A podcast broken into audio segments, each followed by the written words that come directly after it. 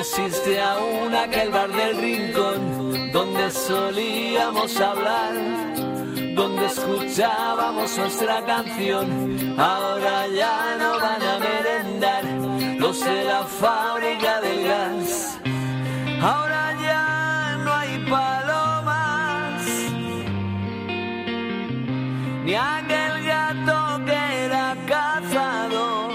Som al suplement Som a Catalunya Ràdio. Després de molts segles de vida nòmada, la humanitat va establir-se en pobles que després es van convertir en grans ciutats. Durant el creixement de la vida urbana, viatjar es va convertir en una autèntica odissea només apta per als més valents. Un periple que sovint era garantia que difícilment es podria tornar a casa. Ara, en ple segle XXI, i sempre que la pandèmia i les circumstàncies ens ho permetin, el concepte de casa ha canviat. Ha passat de ser un lloc fix arrelat a un concepte mòbil altra vegada nòmada i adaptable també al criteri de cadascú. Avui al suplement Dos escriptors de pes que han tingut una vida nòmada i que han fet de casa seva el viatge i l'intercanvi de països. Per un costat, John Carlin, que és col·laborador d'aquesta casa i d'aquest programa. Joan, què tal? Bon dia i bona hora. Bon dia, Roser. I de l'altra banda, Eduardo Mendoza. Bon dia i bona hora. Hola, bon dia.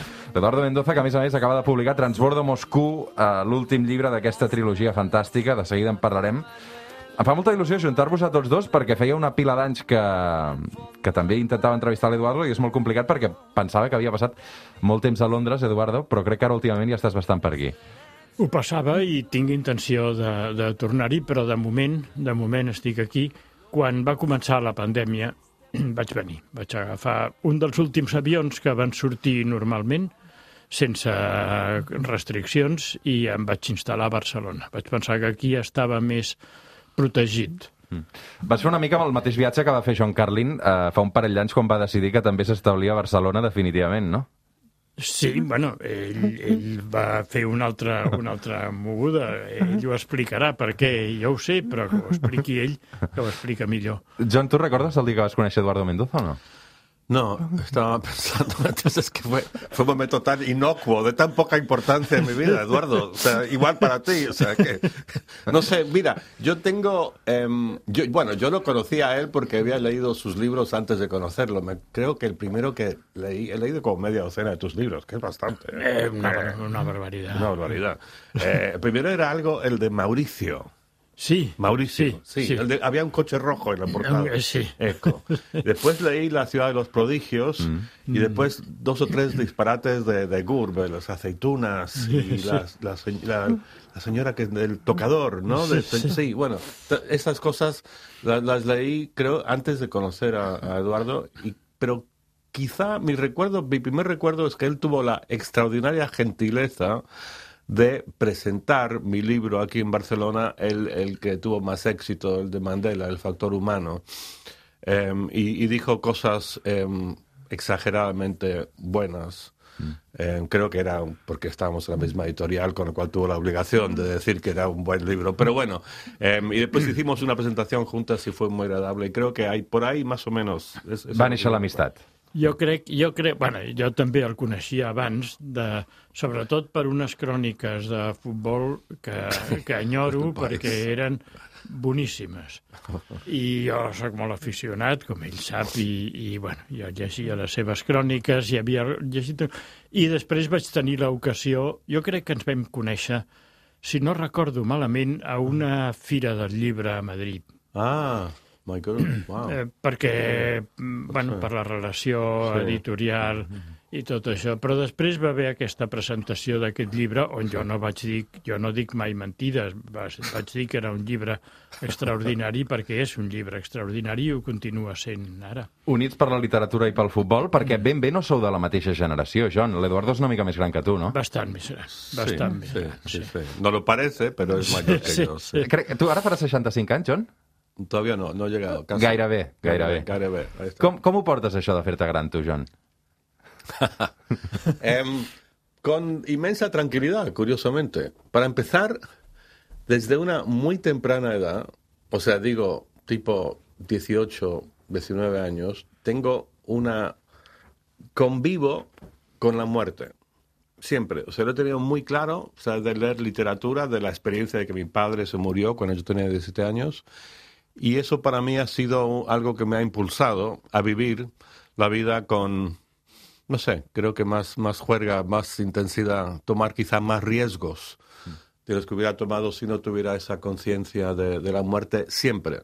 O sea, como digo, no es algo que, has- que me ha pesado, sino lo contrario, me ha eh, dado alas.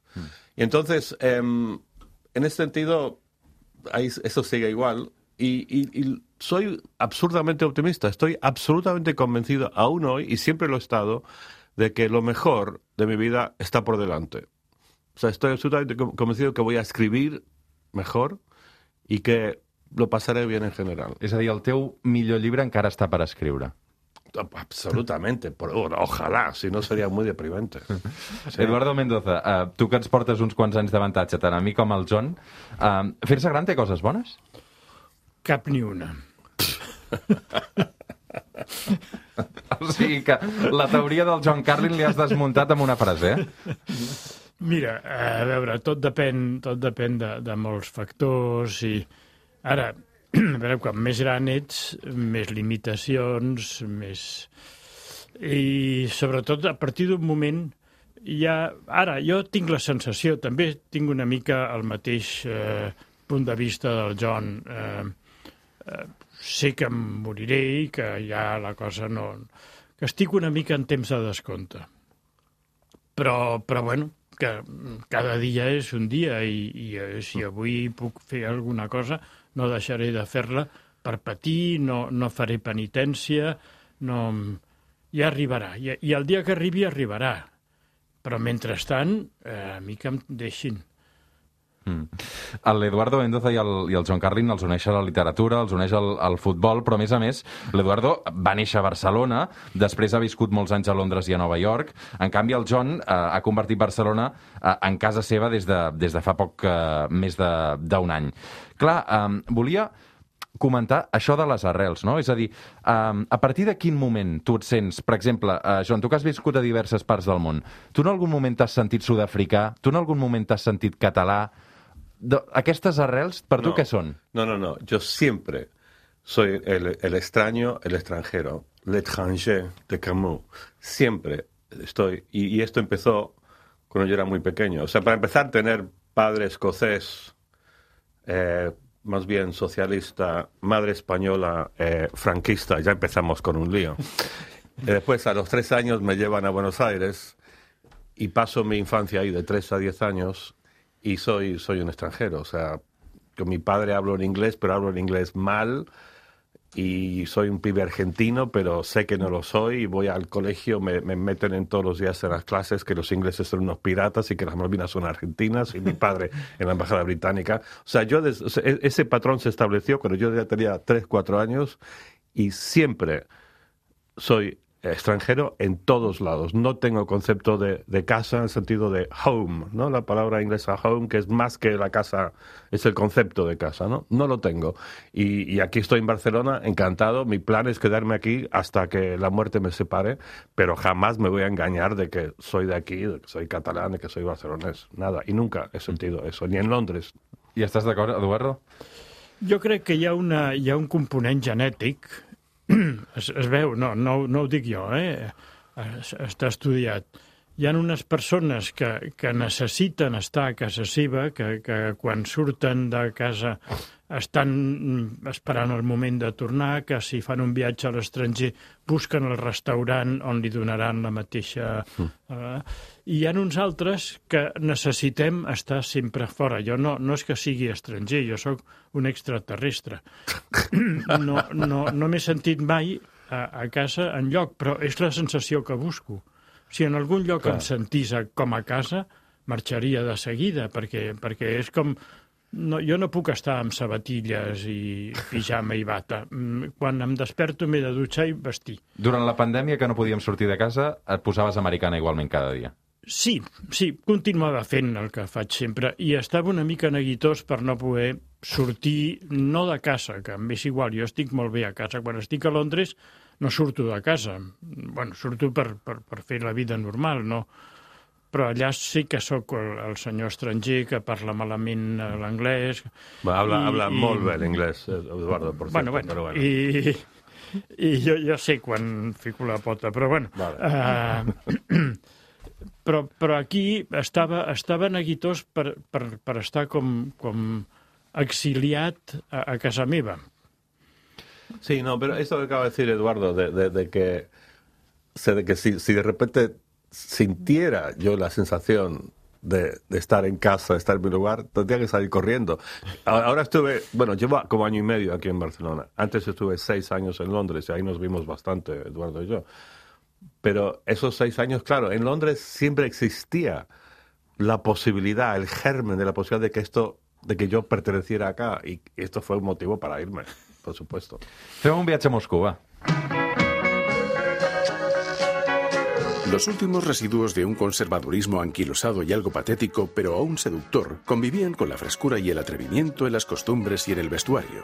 De hecho, los dos mundos se complementaban. El formalismo convertía en subversión lo que solo era hacer el ganso, y aquellas chiquilladas justificaban la resistencia formal de un establishment en decadencia. Para un forastero, venido de la España sumisa y gris del franquismo senil, en las calles de Londres se dirimían dos formas de entender la modernidad y la conducta individual. Oh. En banda sonora dels Rolling Stones, això és un fragment de l'últim llibre de l'Eduardo Mendoza, del Transbordo en Moscou, que parla sobre Londres, també parla sobre aquesta Barcelona dels anys 90, el tercer i últim llibre d'una trilogia que protagonitza el detectiu Rufo Batalla, un tipus de classe social més aviat baixa, i un detectiu de pacotilla. En aquest llibre, però, es casa amb el, la Carol Escolar, una dona de l'alta burgesia barcelonina. Clar, ara em deia uh, l'Eduardo, quan estic a, a Londres sempre seré aquell etern estranger, no? No sé si els teus veïns saben que comparteixen bloc amb el guanyador del Cervantes, del Planeta o d'una Creu de Sant Jordi, o no en tenen ni idea d'això? Home, no, els meus veïns són gent de, de cultura i, eh, i estan informats. Ara, no, no em tenen una consideració especial, em consideren el senyor que, que posa la televisió més forta del necessari perquè ja no sent molt bé. A tu també passa això, això no? Sí, no? sí, sí. Uh, um, digues, digues, John. No, no, no, nada, no, que siga Eduardo, que siga Eduardo, está hablando de sus libros. No, anava, anava a parlar d'aquesta relació amb, amb, amb aquest entorn, no? amb aquest arrelament i també amb aquests veïns. Com és la relació amb els veïns? Bé, mira, eh, és, és molt curiós. Eh, Barcelona és un lloc bastant discret en aquest sentit. Mm. No, no hi ha aquesta mitomania que hi ha en alguns llocs que si has sortit un dia cinc minuts a la televisió et para tothom pel carrer. Mm. Aquí no. Eh, Això ha anat, ha anat canviant i ara hi ha més, més eh, necessitat de tocar el, el, la, la cara coneguda. Abans era un dels llocs millors del món perquè venien eh, famosos internacionals, no com jo, sinó esportistes, actors de Hollywood, mm. i la gent els deixava tranquils, anaven a un restaurant, no se'ls hi tiraven a sobre, etc. Mm. A diferència d'altres llocs on, on t'estan sempre eh, emprenyant.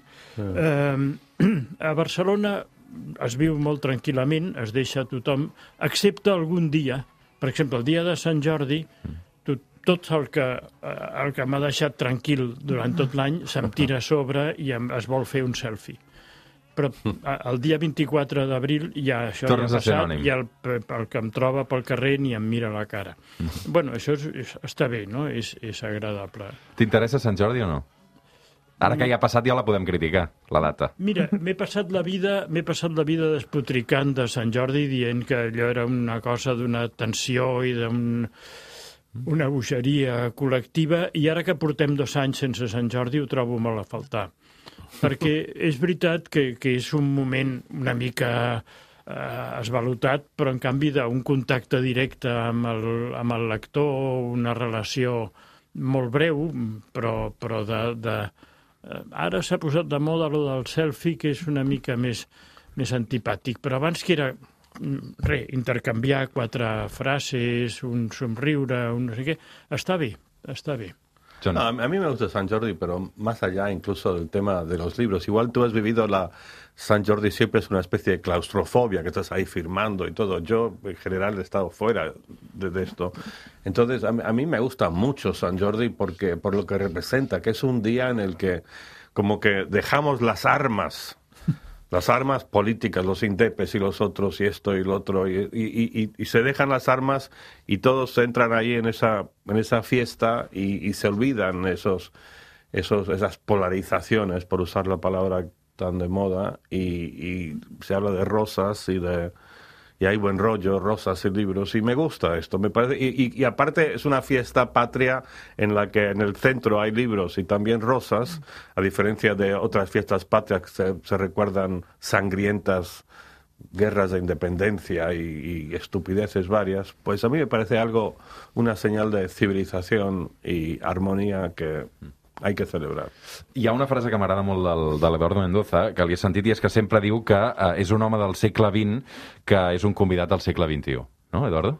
Sí, bueno, tinc aquesta sensació. Sí, no, no, no sé per què, eh? no sé per què, però, però, però és veritat que eh, quan va canviar el, el segle, l'1 de gener del primer dia del segle XX, que no sé si és el, el, el, el segle XXI, que no sé si el 2020, és igual. Hi havia la discussió aquella de quin era l'any en què es canviava sí, de segle. però és igual, jo crec que és l'1 de gener del, del, del 00. Sí. doncs canvia tot completament. Ja es, es, es tanca a la porta del segle XX i, i, i es comença a viure el segle XXI. És veritat, cada vegada que es canvia un segle, el del, del 18 al 19, del 19 al 20, no? sempre hi ha un canvi de, de total, de, de, de mentalitat, de, la moda canvia, la, les relacions personals canvien, tot. I, i jo que he viscut clar, la, la part més formativa i més intensa de la meva vida al segle XX, vaig pensar, bueno, aquí ja em quedo d'espectador del segle XXI. Mm. És una bona metàfora, eh, això. Espectador, sí, sí, sí. Bueno, em, yo, yo, yo, yo no, no tengo esa, esa misma sensación de así de corte entre un siglo y el otro, pero, pero sí que lo que en la práctica significa es la evolución a un mundo mucho más digital y las redes sociales y los selfies y todas estas cosas. Y no estoy muy convencido que este sea necesariamente un avance en la evolución humana. Mm. Som al suplement, som a Catalunya Ràdio, estem xerrant amb el Joan Carlin i amb l'Eduardo Mendoza, amb aquest transbordo en Moscou de rerefons, com explicàvem, el protagonista, el detectiu Rufo Batalla, es casa amb la Carol Escolar, una noia de l'alta burgesia barcelonina. Agolpada ante la verja del jardín, mi familia contemplaba el chalet de los Escolá, de dos plantas, garaje, jardín y doce ventanas en la fachada principal, con tanta zozobra como la que había sentido yo cuando fui allí por primera vez un mes y medio antes, con la intención de anunciar a Carol el final de nuestra relación, y ella me comunicó que estaba embarazada y me propuso la boda que ahora ocasionaba aquel trastorno. Com és aquesta burgesia barcelonina, Eduardo Mendoza? Perquè crec que tu l'has conegut molt, de molt a prop, no? No, de molt a prop no, però, però he tingut contacte, sí, naturalment. He nascut a Barcelona, he viscut a Barcelona sempre amb, amb, amb aquestes fugides eh, temporals i, per tant, conec eh, la gent de Barcelona, no, no concretament un, un grup social, la gent de Barcelona sí. Eh, intento fer una definició d'aquesta burgesia catalana que, que té un, un, que és molt curiós, és, és, una, és un grup social molt emprenedor que va sortir de, de no res, a diferència d'altres llocs on l'aristocràcia, la vella aristocràcia, es va reconvertir amb els eh, grans promotors de la revolució industrial, del món financer, eh, la burgesia catalana surt de, de no res, moltes vegades de fora de Barcelona, mm, a Barcelona fa una gran revolució, eh, s'enriqueix i després perd tots els diners perquè no té cap interès en mantenir-se com a classe social. És purament... Eh, som comerciants, comerciants eh, del dia a dia, de, de vendre al mercat. I una vegada s'ha venut ja no, no hi ha interès en continuar. Fixa't que altres burgesies que venen de l'aristocràcia, quan fan el canvi a l'època moderna, eh, el primer que fan és enviar els seus fills a unes universitats, a uns centres on es crea no només eh, el coneixement, sinó també l'intercanvi social, les relacions... Aquí no es fa. Aquí mm, l'universitat queda completament de, de costat, hi ha un, no hi ha ni tan sol, per exemple, a, al País Basc tenen Deusto, que és un lloc on va l'elit i es forma la... Aquí no, aquí no hi ha res de tot això.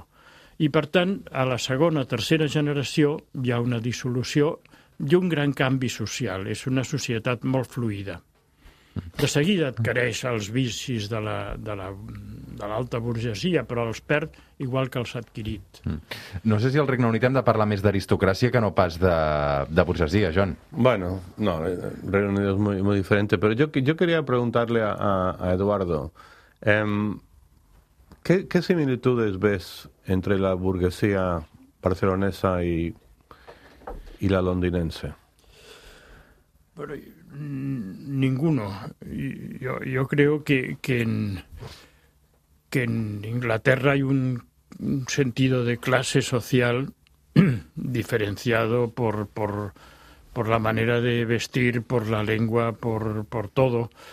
Hablan idiomas diferentes, son de, de- practican deportes diferentes, comen de otra manera, viven en casas muy distintas y, y se perpetúan porque envían a sus hijos a, a Eton, a Harrow, a Oxford, a Cambridge. Se- se- És a dir, d'alguna manera la catalana és menys excloent.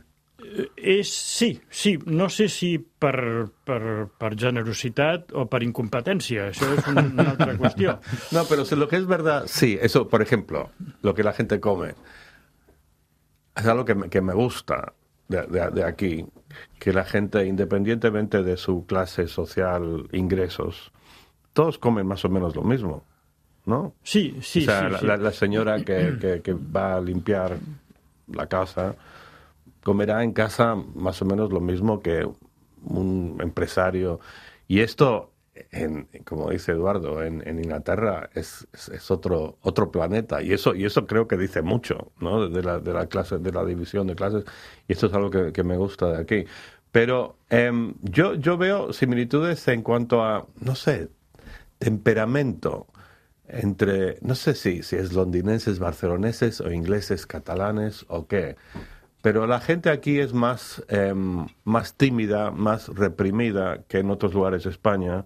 Hay cierto, la gente, eh, eh, para mí lo que define a los ingleses es el embarrassment. Les da vergüenza las cosas, se avergüenzan muy.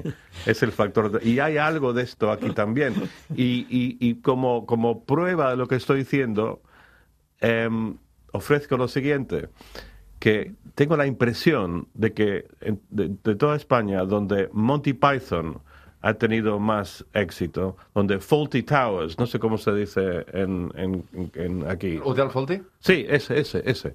Em, y, y- y- y el sentido del humor tiene bastante que ver con, con este tema de la vergüenza, del embarrassment, y, y una visión quizá más irónica, y la gente es un poco más reprimida que aquí, que en general, que en Madrid. No sé, son observaciones muy superficiales, Eduardo. Tú habrás pensado mucho más sobre esto que yo. Sí, no, no, bueno, és veritat que d'una banda hi ha el tòpic de com és el català, com és l'andalús, com Sí. és el francès. D'altra vegada, el tòpic respon a, un, a a una realitat. No, sí, sí, és veritat que, que hi ha un, una certa tendència general a comportar-se d'una manera que a més es perpetua per, per educació, per ambient, per... I, i estic totalment d'acord amb, el, amb la visió del John. Aquí som...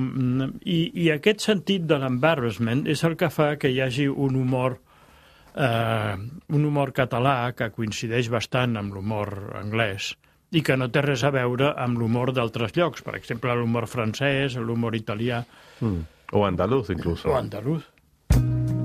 I feel your love. I feel time is up. Ens estalviarem de parlar del Brexit, perquè sé que és el tema preferit del, del Joan Carlin i avui que tenim l'Eduardo Mendoza, com que ja sé que m'explicarà. Uh, us estalvio la, la qüestió. Um, Eduardo, és l'última novel·la o no? No ho sé. Ah. De, de moment ho és. Oye, me encanta. No lo he leído, Eduardo, lo confieso. Pero me encanta la, la, la portada. Es, Ah, es sí. buenísimo. Sí, O sea, sí, he pasado, paso por librerías y están ahí los libros y, y esta es la que siempre llama la A atención. veure, descriu-me-la, Es- descriu-me-la. No sé, bueno, es uno de estos muñecos eh, rusos, ¿no? Que, que, que, que sacas y hay más adentro, adentro, adentro y pero tiene gafas de sol, tiene un cigarro y el color, eso, los colores son muy buenos, naranja, amarillo, o sea, es, es una portada que en cualquier colección de libros que juntas va a llamar la atención. Sí, Así sí, que sí, te felicito por eso, Gracias, aunque, sé que, que- No, no, que nada no tuviste que ver, pero bueno. No, no te- Bueno, sí, sí, tengo que ver porque, bueno, porque que me, me someten Claro, varias claro, eh, claro. esto y, y esta me, me gustó y la, la, la, la- la probé enseguida. Pero es verdad, es verdad que es llamativa y es graciosa y Sí. simpática. Sí. Transbordo en Moscou, un llibre que Joan Carlin eh, s'haurà de llegir després de veure la portada i que també convidem a tots els oients eh, a fer un cop d'ull. Eh, I és que l'Eduardo Mendoza, aquesta és la seva última novel·la, però pel que deixa entreveure, eh, continua escrivint igual que el, que el Joan Carlin, que diu que la seva millor novel·la encara està per escriure. No, pero todo lo mejor de mi vida está por delante. Yo lo tengo clarísimo. El Barça també? La, la millor època del Barça també està encara per el arribar? Barça- ah, ay, val. es- És, que m'has fet es- trampa, m'has fet trampa. Esa es una excepción. Eh, bueno, es que, es que yo no soy del Barça, yo soy de Messi. Tú lo sabes muy bien, Roger. Y claro, Messi, el factor tiempo le pesa mucho más a Messi que a mí. Sí. O sea, el Messi en- dentro de un par de años no sé qué va a tener por delante en su vida. Yo puedo decir que lo mejor está por delante. Messi después de un par de años, lo, lo mejor está todo atrás. Eso es indudable, pobret. Que cruel, que Eh, cruel, pero- Eduardo. Pero, que sí, cruel que pero, és el... pero es que es verdad. Sí, O sea, no sé, igual se reinventa y, y es un novelista mejor que Eduardo, no sé, joder. Esperemos, sería fantástico. Seria. Sería maravilloso. Home, tu, tu el vas jo com intentar... que li desitjo el millor... Tant de bo, tant de bo. Tu el vas M'encanta la idea. Tu el vas intentar entrevistar una vegada i crec que... O un parell de vegades i crec que no... No. Allà Bueno. No, no, no va fluir. Allà no... No creo, pero, pero bueno, todo es posible. O sea, es, es más posible que Lionel Messi acabe siendo un gran escritor de que yo acabe siendo un gran futbolista. Eso seguro. Segurament que sí. John Carlin i Eduardo Mendoza, moltes gràcies avui per, per haver-vos reunit també en aquest suplement, en aquest estudi. Transbordo en Moscou, l'última novel·la del, de l'Eduardo Mendoza que també recomanem des del suplement. Gràcies a tots dos, que vagi bé. Gràcies. Fem una pausa i de seguida tornem. El suplement. Ràdio amb esperit de cap de setmana. Amb Roger Escapa.